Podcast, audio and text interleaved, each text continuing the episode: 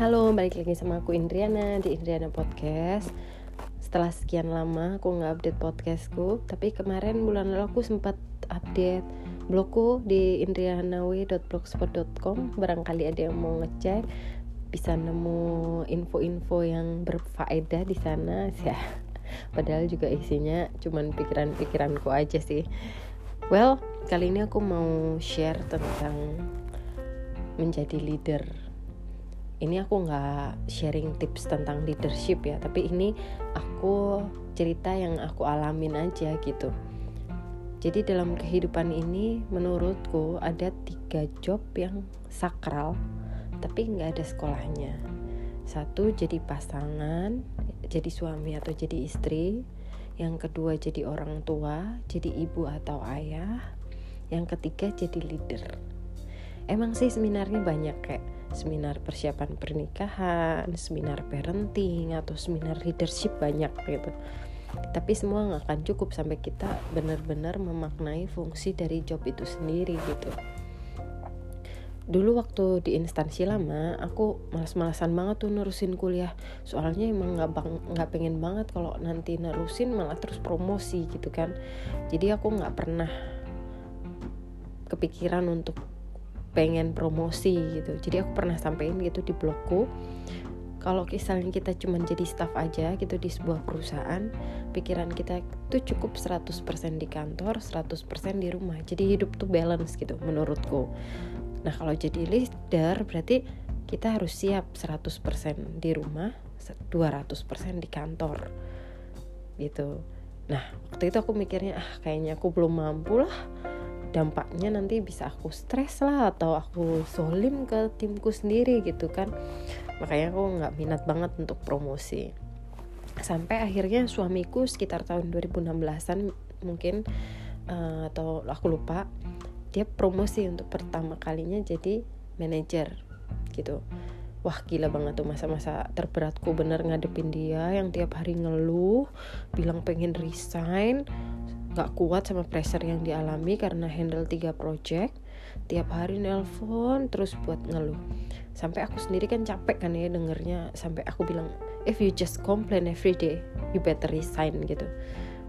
But with if you need the money for our life please be strong gitu.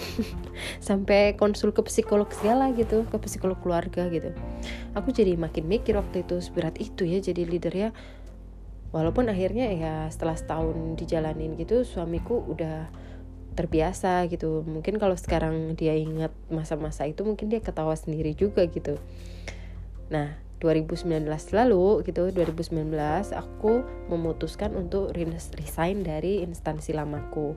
Karena uh, instansiku yang lama ini tidak bisa memfasilitasi permohonanku untuk mutasi pindah ke Solo akhirnya aku mengajukan resign dan aku cari kerja dong di Solo gitu. Aku melamar pekerjaan sebagai staff gitu. Ternyata tawaran yang aku dapat justru jadi leader.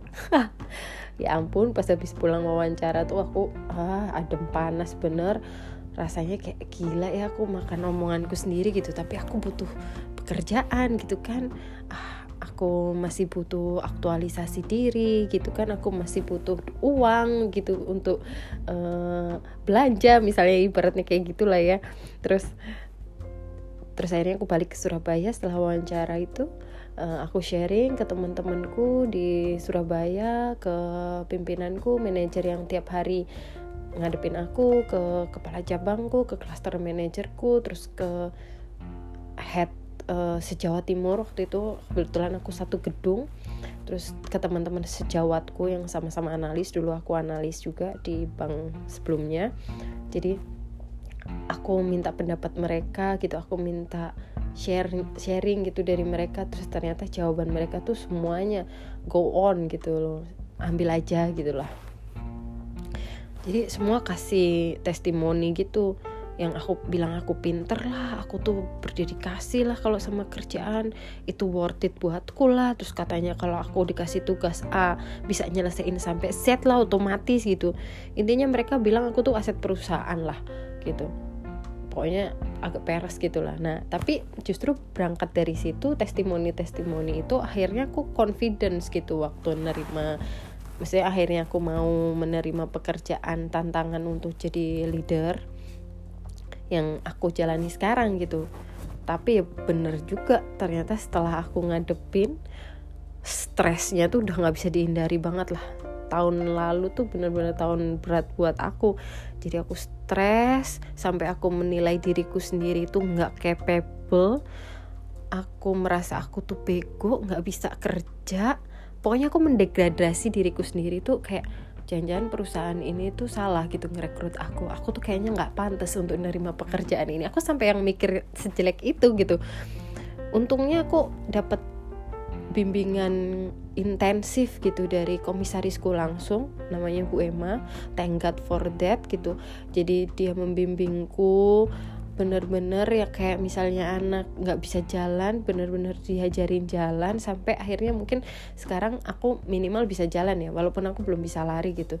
Jadi aku dapat bimbingan wejangan kritik saran yang semuanya itu cukup membangun aku kembali percaya diri walaupun tetap masih kayak aku mampu gak sih gitu masih ada. Terus jadi rasanya tuh kayak dulu aku biasa waktu aku masih jadi staff tuh aku aku merasa aku biasa ngerjain 100% gitu. Uh, pikiran tenagaku aku pakai untuk ngerjain tugas dari atasanku gitu kan. Terus aku berharap tim di bawahku itu bisa kayak aku gitu bisa mengerjakan apa ya tugas dari aku sesuai harapanku gitu.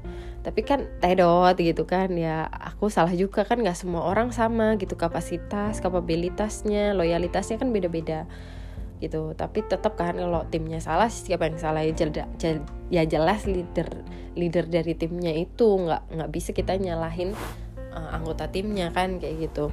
Sementara kan nggak mungkin juga kerjaan clerical gitu aku pegang sendiri karena ada beberapa bagian di bawahku gitu nah ternyata gitulah seninya jadi leader gitu.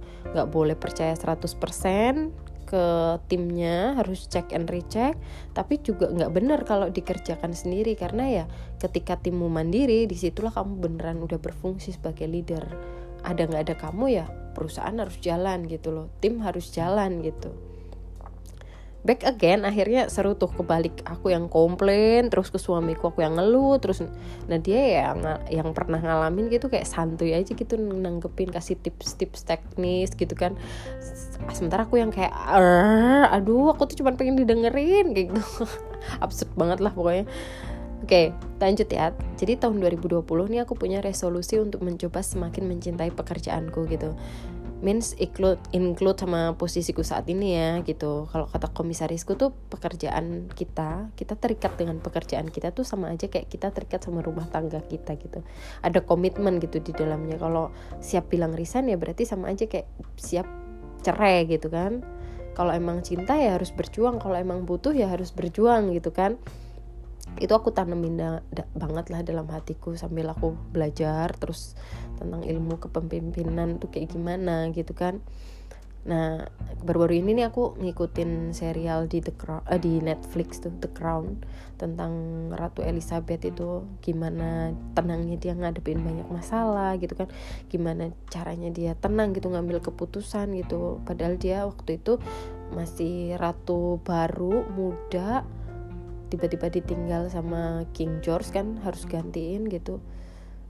Itu ins inspirasi banget lah buatku gitu. Jadi dia bisa tenang gitu ngadepin masalah. Semoga aku juga bisa ngikutin gitu ya. Nah awal minggu ini aku drop dong sampai harus opnam. Seumur hidupku aku tuh belum pernah opnam kecuali waktu melahirkan. Sepadat-padatnya kerjaanku sebelumnya Nah, waktu aku sengaja share di WA story supaya nasabah kan kalau WA tanya-tanya bisa maklum gitu loh kalau aku balasnya lama karena tanganku kan diinfus, makanya aku share di WA story. Eh ternyata yang WA jadi malah rame tanya sakit apa kayak gitu. Ada yang video call gitu. Aku nggak kepikiran sampai situ karena pikiranku pokoknya info ke misalnya nasabah. Jadi kalau misalnya uh, butuh jawabanku gitu mungkin nggak bisa cepat gitu karena tanganku diinfus gitu. Nah salah satu WA dari temenku bilang gini kan gara-gara aku opnam dia bilang leader problem must be heavier than cleric dia bilang gitu. Aku ketawa dong pas baca gitu. Willis tuh yang WA aku bilang kayak gitu kan. Terus but gimana ya aku udah sampai di sini gitu loh. Aku mencoba mengevaluasi semua perjalananku 2019 tentang bagaimana memaknai tanggung jawabku saat ini gitu.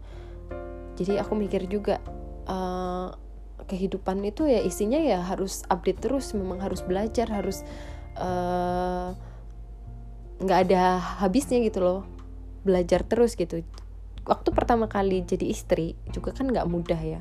Harus berantem dulu tiap hari walaupun pacarannya udah lama tetap kan uh, beda kan setelah menikah gitu tetap ada yang kelihatan asli aslinya gitu. Jadi kita harus persamaan visi.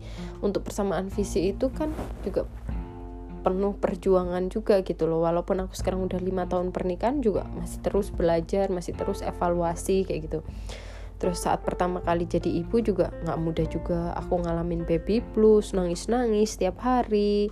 Tapi belajar jadi ibu juga nggak akan ada habisnya. Setiap uh, kenaikan step dari pertumbuhan anak kita kita juga belajar hal baru gitu. Evaluasi update update tentang hal baru gitu juga kan.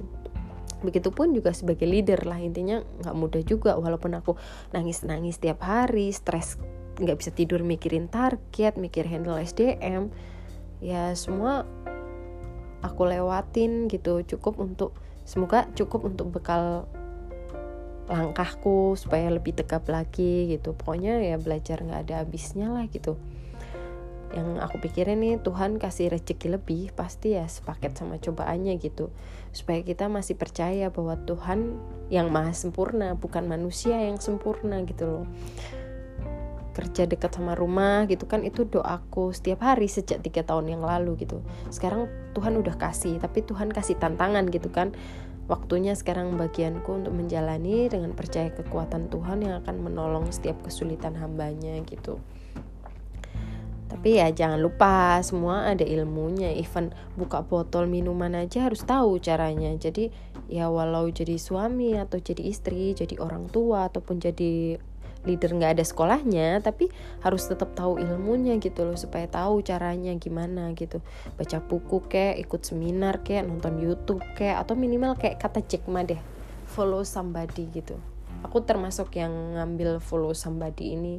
Jadi siapa yang jadi aku jadiin figur contoh kayak gitu. Oke okay. maaf ya kali ini podcastnya random talk banget. Mungkin bukan info berfaedah gitu kan ya tapi tujuanku bagi kalian yang baru yang kayak aku mengalami fase baru dalam hidup gitu yakin gitu loh punya keyakinan yang sama sama aku gitu bahwa semua orang juga akan mengalami namanya yang pertama kali gitu.